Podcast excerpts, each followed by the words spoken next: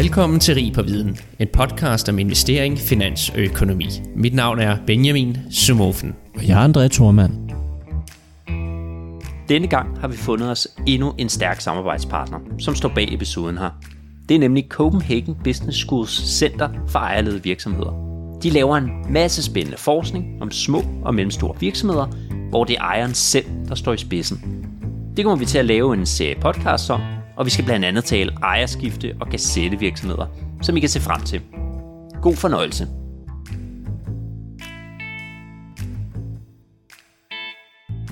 Da du foretog den seneste investering i din virksomhed, var du så tilfreds, og i hvilken grad? Forestil dig nu, at man spurgte mere end 10.000 små og mellemstore virksomheder om selv samme spørgsmål, for at lære om hinandens succeser og fejltagelser. Den her episode af Rig på Viden, den handler om de gængse faldgrupper, når små og mellemstore virksomheder investerer. Vi har fået besøg af Thomas Planborg igen her for anden gang, øh, som den første, der har været med to gange, øh, som er professor ude fra CBS. Tusind tak, fordi du vil komme øh, igen, Thomas. Og tak for invitationen.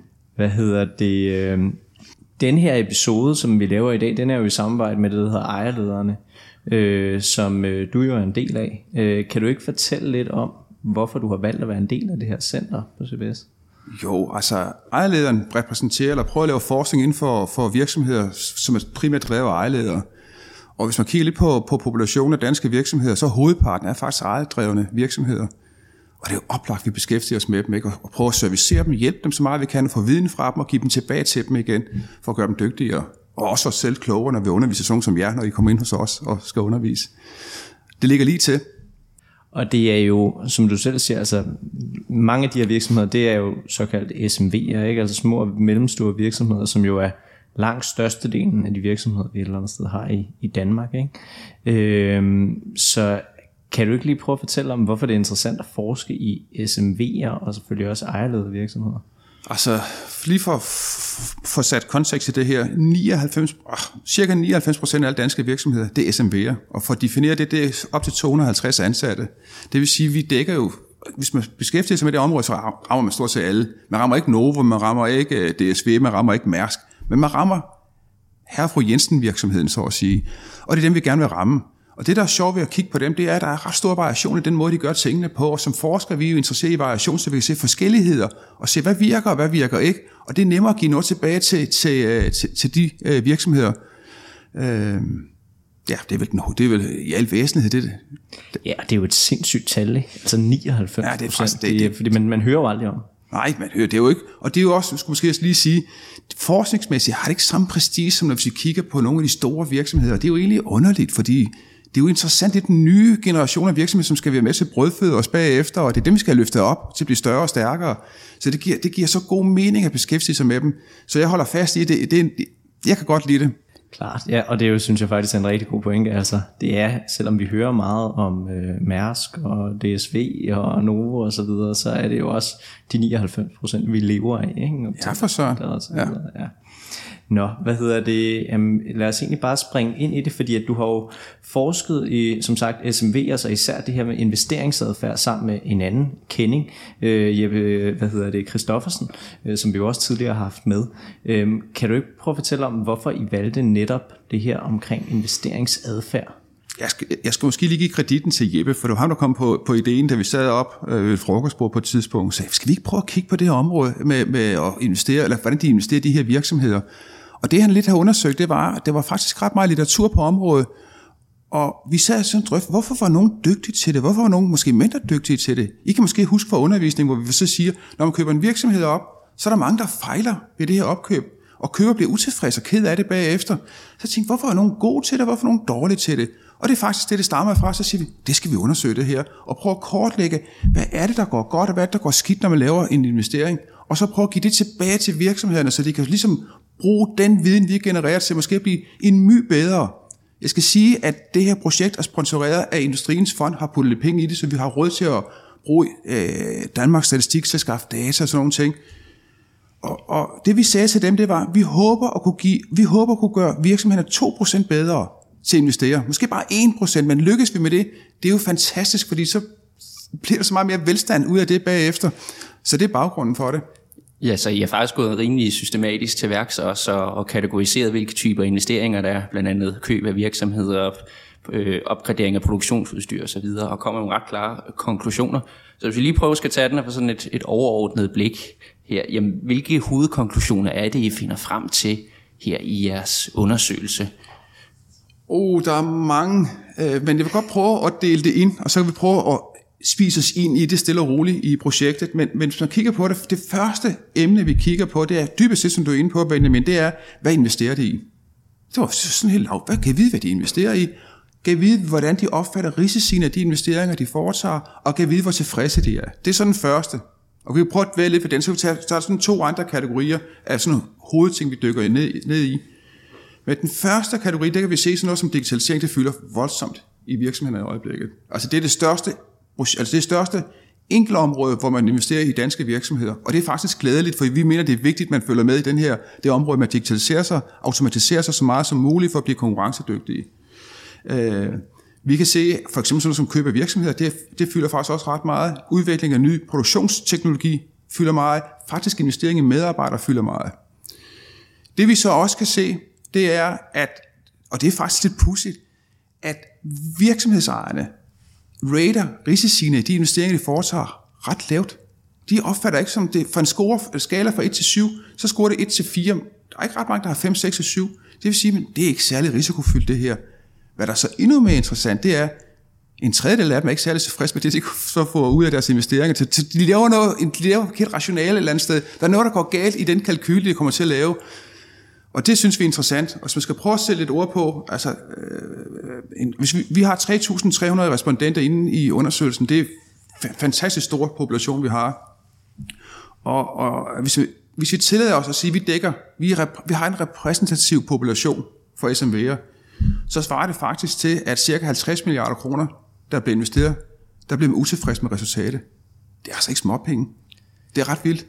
Det er en god sat penge. Ja. Det, det er jo et helt vildt tal, og også hvis vi sådan spoler lidt tilbage til det med, det er, I har fået hjælp af Industriens Fond og så videre.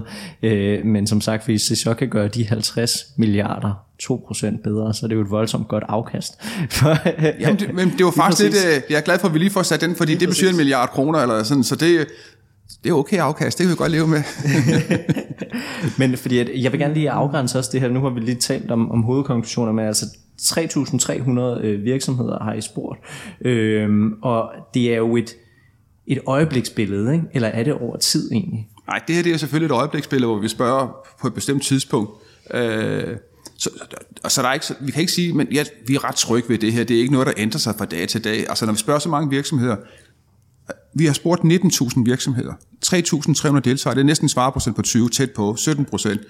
Øh, så vi, vi er ret, det er en høj svareprocent på et spørgeskema. Øh, det er mange, vi har fået svar på. Vi er meget trygge ved vores konklusioner, vi kommer til at, at diskutere her øh, i podcastet. Helt klart, men det var også ligesom for i forhold til nogle af de her ting omkring, du nævner med digitalisering, det vil selvfølgelig back det, Okay, nu forstår jeg, hvad du mener. At, ja. at det er nu, øh, eller i den periode, I har undersøgt det over, altså sådan for relativt nylig, det er rigtigt. at, øh, at det, det er nu, man investerer i de her ting. Ja, og det, hvis jeg spurgte for to år siden, så havde det måske været noget andet end lige digitalisering, men vi var i hvert fald glade for at se, at digitalisering fyldte så meget i, i dagsordenen, altså på deres investering. Det er den, der springer ud som den er klart største investering. Helt klart. Det vi, hvis vi går ned i den del af analysen, som er jeg siger, den tredje og sidste del af analysen, det er der, hvor vi virkelig dykker ned og spørger virksomhederne, hvad, øh, hvad opfatter I som risikofyldt ved en investering? For eksempel digitalisering. Hvad opfatter I, hvad, hvad har I gjort rigtigt? Og det er måske det, som er mit hjerte nærmest. Hvad har I gjort af tiltag, som har gjort, at I har øget oddsene for, at det går godt det her? Hvad har I lavet af fejltagelser? Dem skal man lære af. Så vi kan lære at give videre til andre, som har reduceret muligheden for, at det her bliver en succes. Hvad har været de positive og de negative konsekvenser? Og det er dem, vi laver værktøjerne ud fra jeg skal sige til lytteren, der findes en rapport, der ligger til grund for undersøgelsen, man kan downloade på noget af det her ejerlederen.dk, og der er to værktøjer, som vi kommer tilbage til om lidt. Men i rapporten vil man kunne gå ind og se på, hvad er det for... Vi kan se de investeringer, der, vi har lavet 14 øh, investeringstyper. Vi har sådan set bedt øh, vores respondenter om at forholde sig til, og sige, hvad, hvad, hvad opfatter I som de risikable øh, aspekter ved de her investeringer, I har foretaget inden for de her områder? Og, og det vi kan se, ja, vi vil ikke kunne sige noget generisk, hvis man kan sige sådan helt, øh, fordi det er meget specifikt til den enkelte investering, hvad er for en risikotype, man fremhæver. Øh, men hvis man skal tage noget, øh, som går igen øh, for alle, næsten alle typer investeringer, det mangler en efterspørgsel. Den største bekymring, man har, når man laver noget, for eksempel øh, gå ind på et nyt marked, er der, er der efterspørgsel på vores produkter. Man laver en ny teknologi, en ny service, er der efterspørgsel på det. Ikke? Man har en ny satsplatform, er der efterspørgsel på det. Altså, det er den efterspørgsel, man er meget, meget bekymret for. Det er dog det, der går tydeligst igen. Og det er jo, altså, det, det, det er jo sådan en meget nede på jorden risiko et eller andet sted. Ikke? Jamen. Altså det er jo klart, nu vi går i gang med at investere i et eller andet, er der nogen, der har tænkt sig at købe det, eller bruge det. Ikke? Altså så det, det, det giver jo sådan set meget god mening, men jeg synes også, det var sjovt, at det ligesom er, altså det er det, man er mest bekymret for, virker det til. Øh, det her sådan helt nede på jorden, er der nogen, der har tænkt at men, vi køber et eller andet, men, men, men er der nogen, der har tænkt sig at købe? Men, men alt det, vi laver, det vil jeg sige, det er helt nede på jorden. Altså, fordi det er virkelig dagligdags ting. Altså, det er ikke det er forkert at sige, men det er virkelig praktisk ting. Men det er jo det, der er så, jeg vil sige, smukt ved, ved undersøgelsen, det er jo, at det er noget, man kan tage og gribe fat i. Der er ikke noget sofistikeret det, vi kommer med. Det er nogle små husråd, man kan bruge, og så kan man øge også, for at det går bedre. Øh. Men det her med, den, med, den, med efterspørgselen, det er mest, hvis man vil ind på et nyt marked. Ikke? Altså jeg tænker i forhold til det her med digitalisering og så videre, det er vel lidt, der er det vel ikke den største bekymring, man har. Nej, det er også, nej, der er også grundigt forarbejde. Altså, den skulle måske tage som den, øh, det, det, det hele, det gennemsyrer alt, alle investeringer. Grundigt forarbejde, øh, det er sådan noget, man siger, det gør vi ikke nok. Og for eksempel digitalisering, nu sagde jeg lige at kigge på undersøgelsen her. Hvis man investerer i digitalisering, så er det, man siger, universelt på tværs af dem, som har deltaget, vi har gjort for lidt forarbejde. Altså, vi har simpelthen ikke været dygtige nok til det forarbejde. Og det er også det, de siger, det er den største risikofaktor for at lykkes med projektet. Så forarbejde, og jeg kommer til at sige det mange gange i forbindelse med det her, for jeg kunne forestille mig forarbejde, forarbejde, forarbejde, fordi det undervurderer man simpelthen, når man foretager nogle investeringer. Øh, hvis man synes, man skulle kode det ned, og så ligesom til Benjamin, så skulle man ligesom så kode det her ind, og så sige, hvad skal vi tage med herfra? Hvad kan vi lære af det her? Så vil vi så sige, forarbejde. Et. To. Vedholdenhed. Det går aldrig, som man forventer. Det tager lidt, man skal slides med det. Tre. Opfølgning.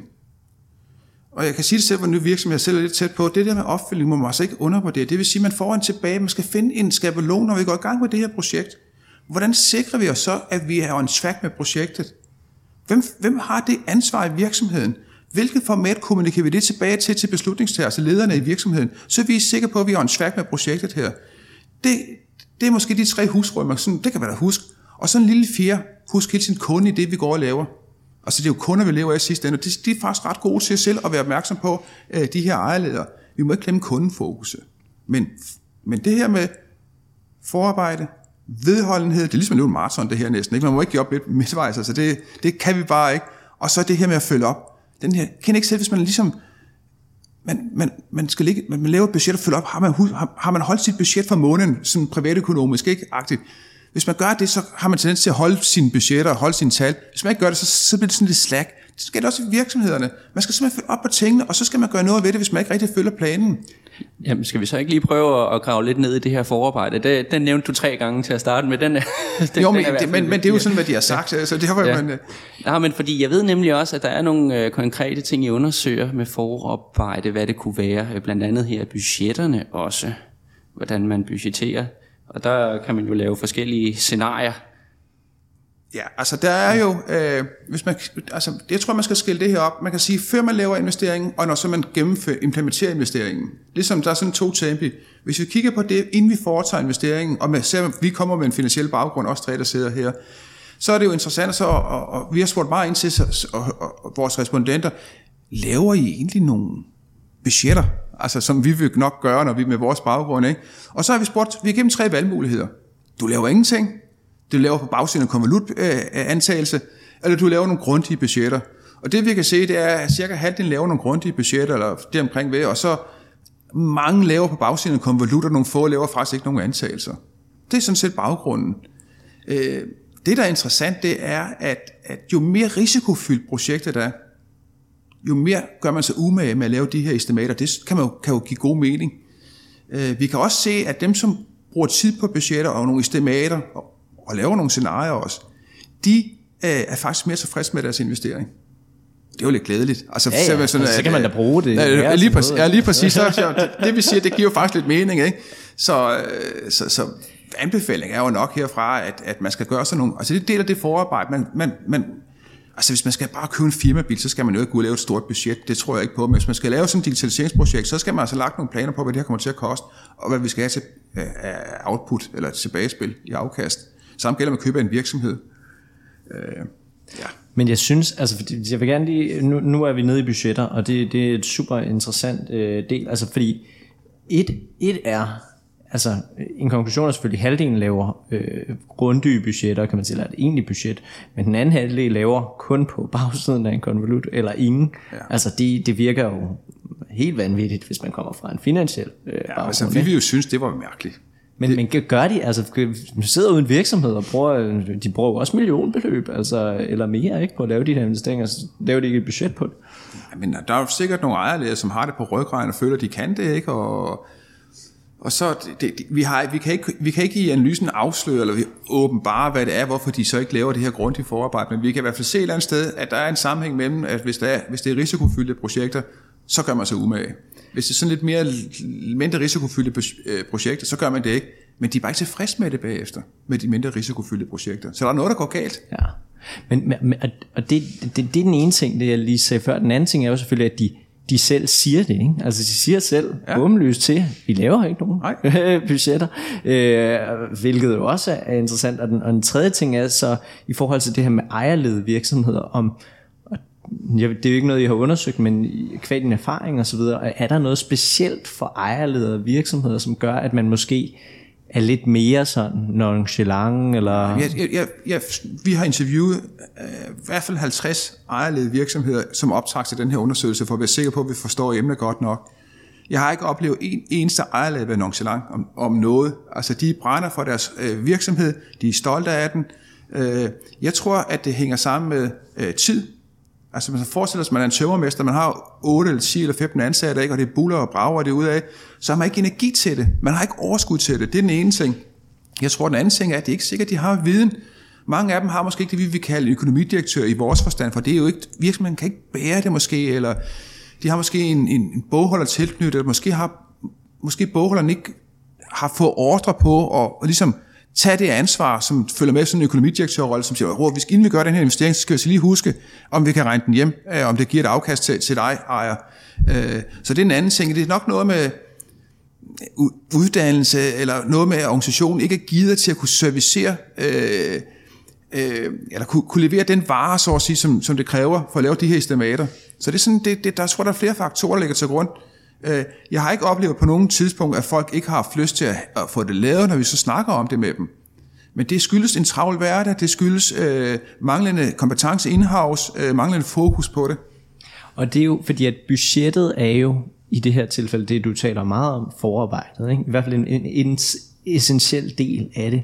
Øh, og så kan man jo så sige, øh, hvis man mangler forarbejdet, så øh, stiger risikoen, øh, som de jo også siger. Ikke? Altså hvis man ikke har forberedt sig godt nok på, øh, hvad kommer det her til at koste, og hvad skal vi forvente giver afkast osv., så, videre, så øh, svarer de også, at så vidt jeg husker, at risikoen er højere. Ikke?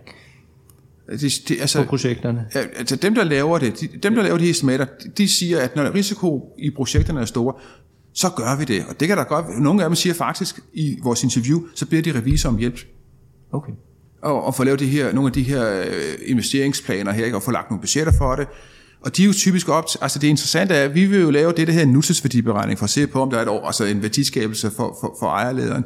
Men det, de bruger, det er meget mere tommefingerregler, og det kan jeg godt forstå. Det er sådan noget, hvornår, hvor mange år går det, inden jeg har fået betalt min investering hjem, det vil vi kalde payback-metoden.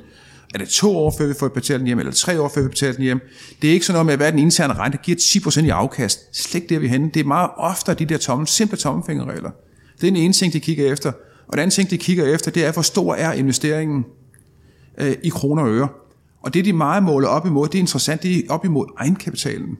Og det, vi kan se ud af undersøgelsen, det er, jo større investering er i forhold til egenkapitalen i et worst case scenario, jo mere utryg bliver ejerlederen. Vi vil jo sige, at risiko er forbundet med øh, varians i de forventede afkast. Ikke? Det kigger de slet ikke på. Eller det, det er ikke det, vi kan finde, som, som øh, driver det. Det er meget mere øh, den her med, at kan vi betale hele min virksomhed?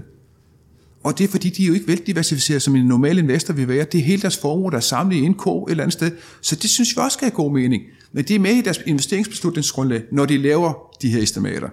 Så jeg skal sige, kortfattet, Dem, der laver estimater, det er dem, som har høj risici i deres investeringsprojekter. De kigger på payback-metoden, og hvor stor investeringen det er i forhold til deres egen kapital. Og Ja, og, og så den sidste krølle, man kan putte på det, det er, at dem, der laver estimater, de er mere tilfredse, ikke? Jo, de er mere tilfredse. Præcis. Og det, det, det er jo meget altså, interessant, og det er jo, vi synes, det er fedt, fordi det er det, vi håber på også et eller andet sted at finde, at det giver, det giver noget værdi, at man kan forberede sig grundigt. Som, nu har vi kun kørt på det finansielle, altså hvor vi laver de her budgetter, men det er jo også vigtigt, når man skal lave sådan for eksempel et digitaliseringsprojekt, at man forbereder sig grundigt i, i sin virksomhed rent operationelt, og giver den til, for eksempel, hvornår skal vi, det lyder sådan lidt plat, eller lidt primitivt, skal, men vi skal nok ikke gøre det i en hverdag, det her, implementere det her nye system, eller nye Office Park 360, eller hvad den hedder. Altså, det gør vi i weekenden, når der ikke er nogen medarbejdere. Altså, det er sådan nogle banale ting. Øh, den der planlægning, øh, den er vigtig. Ja. Øhm, ja, og øh, en anden ting, øh, hvis vi lige hopper videre fra det, der hedder budgetter, til øh, selve den type øh, investeringer, man kan lave, så en af de ting, jeres øh, resultater også viser, det er, at den øh, investering, som øh, virksomhederne har tendens til at være mindst øh, tilfreds med, det er indtrædelse på nye markeder, så vidt jeg husker. Ikke? Det er rigtigt. Og, og at, at, at, at, hvordan hænger det her sammen? Altså jeg tænker jo, det måske i forhold til det her med budgetter, det er rigtig svært at, øh, at, at skabe nogle ordentlige forventninger for det her, fordi det er så usikkert. Altså ja. du går ind på nyt marked, men vi ikke, hvad man skal forvente det, vel?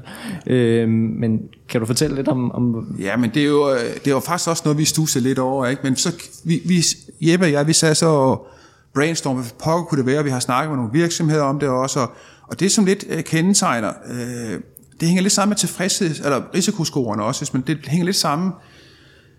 Altså hvis det er, at man selv kan styre det, altså selv har kontrol over det. Vi kan måske huske fra, fra undervisningen, hvor vi snakker om køb og salg af virksomheder, at når man køber en virksomhed op, så, så er der to former for synergier, man kan indarbejde i budgettet. Det er øh, omsætningssynergier, det er jo entreprenørmarked, kan man sige, ikke? Og så er det øh, omkostningssynergier, hvor man selv skærer nogle back-office-omkostninger og lignende. Og det vi har snakket om, det er, at det vi selv kan styre, det lykkes vi ofte med. Der, det er så veldokumenteret, at de synergier, der nemmest lader sig øh, realisere, det er dem, vi selv kan kontrollere. Og det er omkostninger. Og ført over på at træde på nye markeder, vi, vi ved jo ikke, om vi får markedsaccept. Vi kender måske ikke, hvis vi går, hvis vi lader sin dansk virksomhed etablere sig i Kina, puha, altså, vi kender ikke de kinesiske mentalitet, hvis vi kommer fra, fra, bare her fra København, eller fra Jylland, eller fra Lolland, eller Bornholm. Det gør vi ikke. Øh, og det vil sige, der er jo en masse uvidenhed omkring det her, og man har nogle måske lidt naive tilgang til at entrere de her nye markeder. Øh, det, det er hammer svært, og det er der, man øh, oftest fejler. Men gør det her, fordi at, altså, gør det, at virksomhederne kan jeg tænker, der er noget risiko det her. Øh, altså gør det, at virksomhederne måske kan afholde sig fra at gå ind i nye markeder? Altså hvis, hvis nej, det håber vi jo ikke. Vi håber... Nej, men det, det, men det viser jeres resultater vel et eller andet sted lidt, at de ikke er tilfredse med det. Okay, så skulle vi måske hellere bare det være. Jamen, altså, vi, vil ikke, vi, vil ikke, vi vil helst ikke have, at, at nogen bruger vores resultater til så ikke at gennemføre investeringer. Man skal lave de investeringer, man synes er rigtige, uafhængig af vores tilfredshedsscore. Men man skal bruge den tilfredshedsscore til at bruge som et signal om, at man skal gøre sig mere umage. Når man går ud på nye markeder, så er det altså virkelig, virkelig, virkelig vigtigt, at man ikke tager det let. Og, og nu kan jo, altså, det er ikke, altså, der er forarbejde vigtigt. Man må gå ud og undersøge, skal, hvordan skal man sælge på det her marked? Skal man bruge agenter? Skal man have egen sælger der? Skal man have en distributør, der starter sted for at sige, hvad, hvad for en salgsform skal vi vælge? Det er jo sådan nogle ting, man må gøre sig overveje, plusser og minuser. Øh, fitter vores produkter? Altså, har det den smag, den, det udseende, det design, som den lokale, øh, den lokale forbrugergruppe, kan de lide vores produkter? Eller skal vi lave nogle tilpasninger? Det er jo sådan nogle af de ting, man må gøre sig umage med, før man begynder at hovedløse at gå ud på et nyt marked. Det er det, vi føler os ret trygge ved at sige. Man skal selvfølgelig forsøge at gå ud på nye markeder. Man skal bare gøre sig umage. Ja, for det måske også være lidt ser, der går igen, det er, at jo mere risici, jo mere usikkerhed er der. Og så kan man måske sige, at alt det her forarbejde er med til at nedbringe usikkerheden. Man kan selvfølgelig ikke fjerne den fuldstændig, når man går ind på nye markeder, men hvis man ved, hvilke trends der er, og hvilke segmenter inden for ens kundegrupper, der er stigende og faldende, jamen, så kan det være med til måske at gøre det langt hen ad vejen lige så sikkert som hvis nu man var, havde et produktionsapparat, man skulle indkøbe, der vidste, det ville give 10% omkostningsbesparelse. Ja. Ja. Jamen hvis vi var inde i et nyt marked, hvor der var 10% øh, salgsvækst mm. de næste 10 år på grund af en trend, så vil det også give mere sikkerhed. Jamen det er klart, at jo mere, altså man får jo aldrig, uanset hvad man laver, altså det ved vi jo selv, hvis vi investerer i aktier, der er ikke alt, der går, som man håber på. Men, men, men hvis man, jo mere man gør sig umage, jo mere er der en chance for, at man kommer til at ramme skiven. Så det er rigtigt. Jeg tænker lidt i forhold til det her også, vi taler hele tiden om forberedelse af budgetter og så videre. Altså, jeg tænker, altså, der er jo en grænse også, ikke? Altså, hvis jeg havde en lille virksomhed, kunne jeg da godt være bange for, at det fratog noget af den agilitet, der er i min virksomhed. Altså, åh, hvor meget skal jeg sidde over og tænke over, hvornår jeg går ind, og så videre, og så videre. Er det ikke bare at køre på, og så jo, øh, kold der, canvas, ikke? Jo, men det er jo også, altså man må aldrig tage den der lyst til at drive virksomheden fremad. Det er jo så vigtigt, ikke? Men man må heller ikke øh, bare købe på motorvejen og køre 200 km i timen, det er jo forbudt. Altså, det, så det er lidt, man skal finde den balance, hvor man stadig har den der agerighed og vilje til at drive øh, forretningen fremad, og så samtidig få, få mitigeret eller få, få forberedt virksomheden til at blive en succes på det, man så gør. Øh, det er jo sådan, man skal lige veje det på en vægtskål, for den der fremdrift versus, og så øh, gøre sig klart, hvordan man bedst muligt sikrer sig, at de investeringer, vi foretager, så også giver øh, det forhåbentlig, det forventede afkast, vi håber på. Altså nu har vi talt om, om det her med, med øh, nye markeder, men hvis vi også lige prøver bare lige at berøre øh, nogle af de andre typer øh, investeringer, som virksomhederne kan lave, for eksempel øh, digitalisering, som også er en stor del af det. Hvordan ser tilfredsheden så ud øh, for det her? Er det også det her med det opkostningsbesparende, og så har man lettere tendens til at øh, forberede sig og større tilfredshed? Altså det kort svar ja. Det er helt utroligt. Altså, det er en af de steder, hvor det bare bare at de er meget tilfredse med, eller de, de er godt tilfredse med det afkast, kan jeg sige, eller det udkom, der kommer af de her investeringer. Og det er ikke bare afkast, det er bedre arbejdsprocesser, det er tidsbesparende ting i virksomheden, det er bedre kvalitet i det output, man får, når man, når man arbejder i virksomheden. I mange henseender så er digitalisering virkelig en, en, øh, altså en væsentlig investering, eller takeaway for den her, gå, gå i gang med digitalisering, fordi det giver så mange fordele bagefter for virksomheden, og det er en relativt sikker investering, hvad vi kan se i hvert fald ud fra vores analyse. Det er en af de mest sikre af dem, vi kan måle øh, i forhold til, hvad man får i afkast bagefter. Og det er ikke bare kroner og øre, det er altså også noget med øh, operationel fordel. Så er det mere, og nu er jeg så lidt i tvivl om, hvordan I, I definerer det, men det er mere sikkert at lave en digitaliseringsinvestering, end måske en øh, øh forbedring af produktionsanlægget, eller sådan, som vi måske mere traditionelt kender.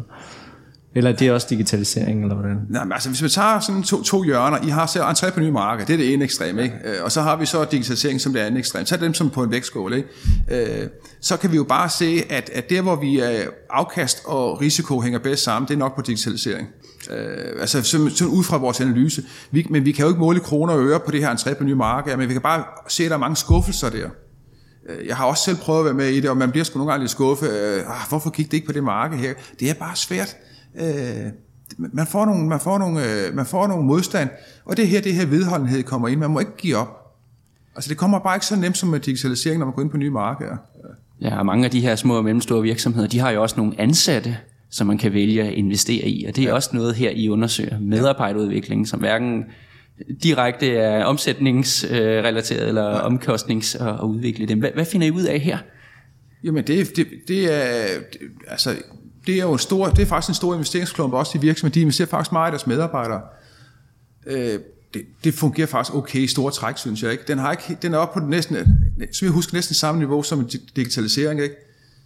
Det, den kom lidt bag på mig, må jeg så sige. Den har ikke forventet sprang ud som sådan, var det virkelig noget? Altså, det er ikke fordi, jeg vil undervurdere, at jeg skal investere i medarbejdere, men jeg har tænkt på at købe virksomheder, øh, store IT-projekter og sådan noget, ikke? eller nye markeder, ikke? men medarbejdere kom faktisk ind.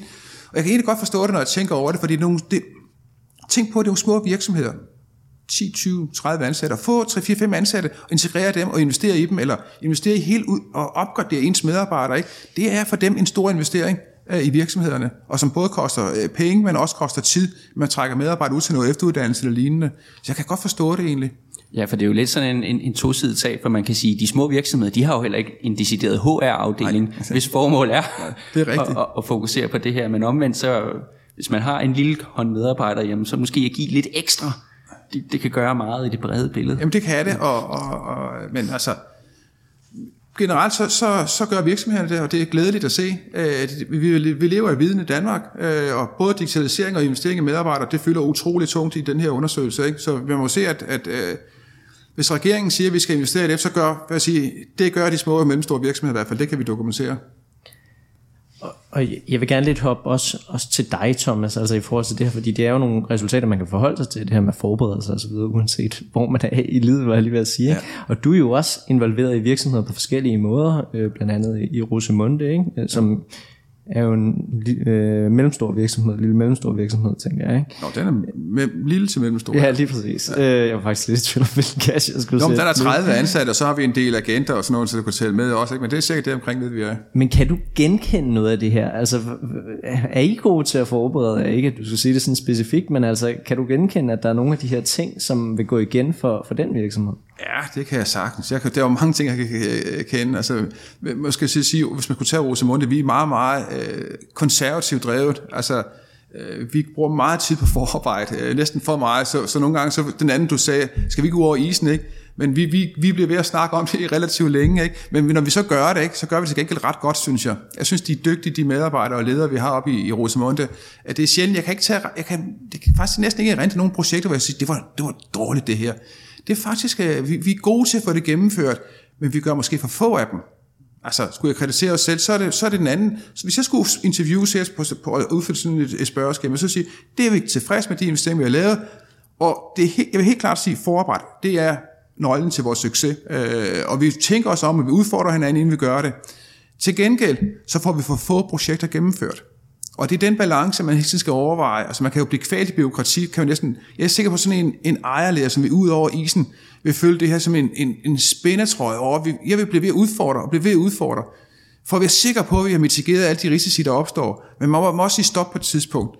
Og det kan da godt være, at vi går for langt i Rosamunde med at mitigere forhold, inden vi får gennemført investeringen. Er det noget, du egentlig ser, der er en hale på også i, i jeres undersøgelse? Man kan sige, I er jo lidt et specielt tilfælde, for du har en, en rigtig stærk baggrund inden for regnskabssynlighed. I kan slet ikke lade være. I kan slet ikke lade være altså, det, er jo, det er jo det, der er det sjove for dig, tænker jeg.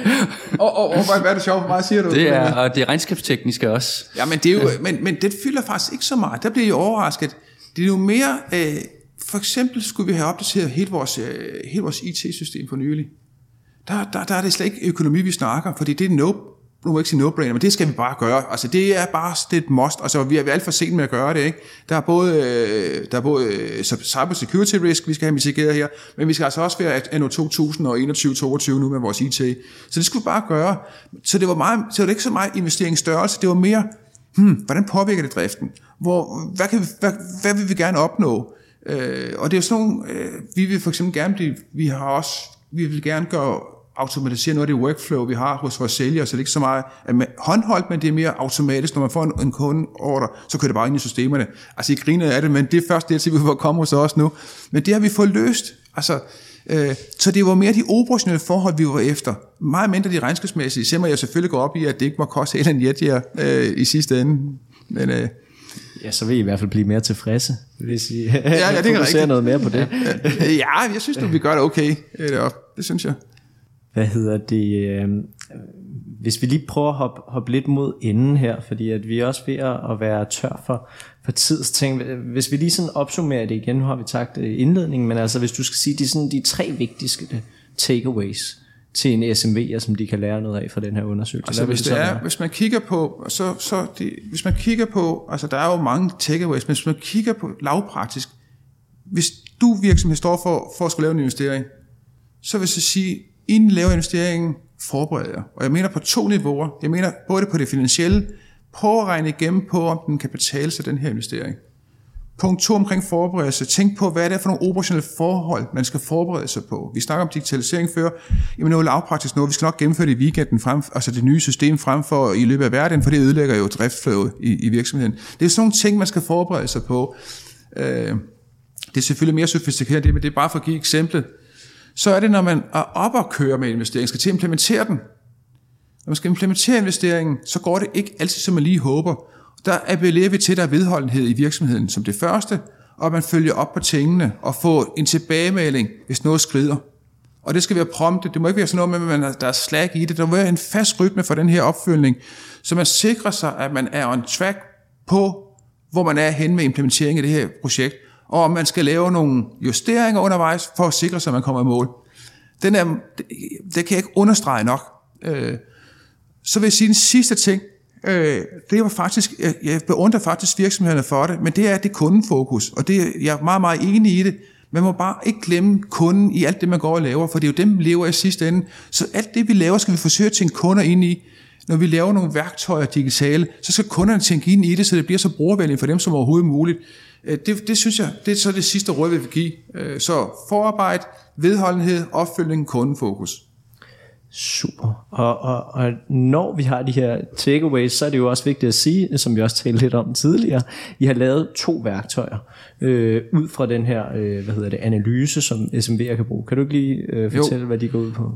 Det her, de to værktøjer må opfattes som hjælp til selvhjælp, for det, det er virksomhederne selv, der har tippet ind med viden, som vi så har omarbejdet i nogle, i nogle digitale værktøjer. Det første værktøj, det er et værktøj, hvor man kan gå ind og taste sin investeringstype ind. Lad os sige nu, har vi snakker om, om entré på nye markeder eller digitalisering. Hvis, vi, hvis, hvis SMV'en skal det, trykker det på en knap, det her digitalisering, eller entré på nye markeder.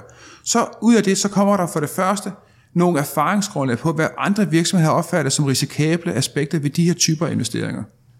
Dernæst så får man indblik i, hvad har været de rigtige handlinger, man har gjort som, som ejerleder, og hvad har været de forkerte handlinger, når man har gennemført, så reflekterer man over det, så det var sgu dumt det her.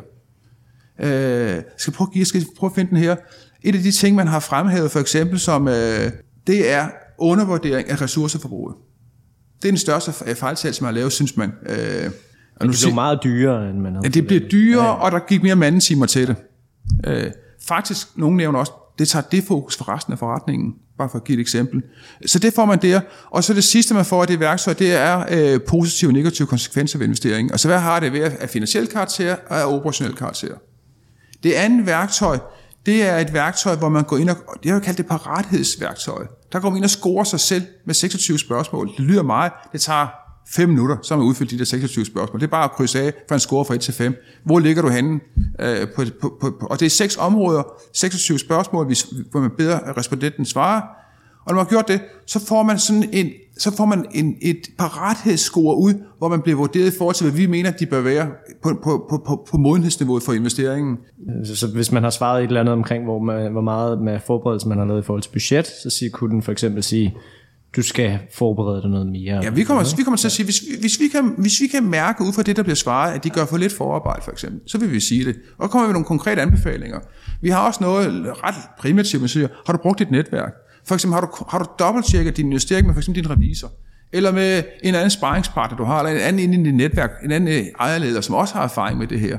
Altså, så hvis de ikke har gjort det, så siger vi så, skulle du ikke lige prøve at overveje for en sikkerheds skyld, hvis du skal gang med digitalisering, og du aldrig har prøvet det før, skal du ikke snakke med en, der kan finde ud af det, altså, eller har prøvet det nogle gange før. Øh, sådan nogle lavpraktiske husråd kommer vi med.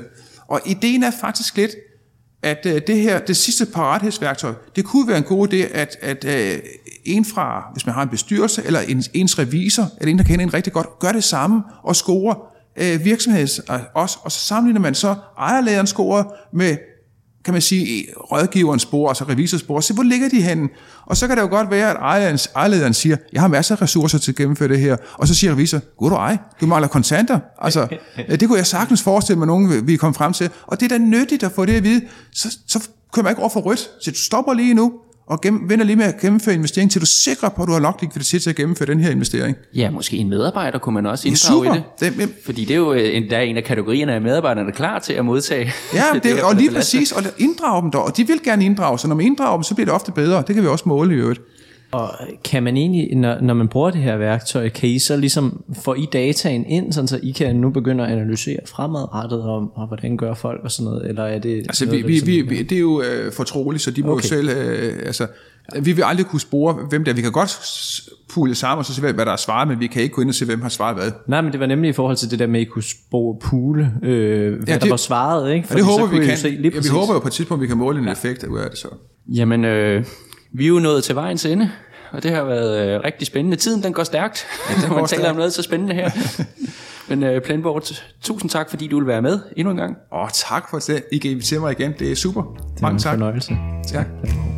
Tak for, at du lyttede med til Rig på Viden. Jeg håber, at du lærte noget, og hvis du nu synes godt af vores podcast, så kan du støtte os ved at følge den på Spotify eller skrive en anbefaling på iTunes. Inden på LinkedIn, der kan du følge André Thormand, Benjamin Somofen eller Henrik Fode Rasmussen. På genhør.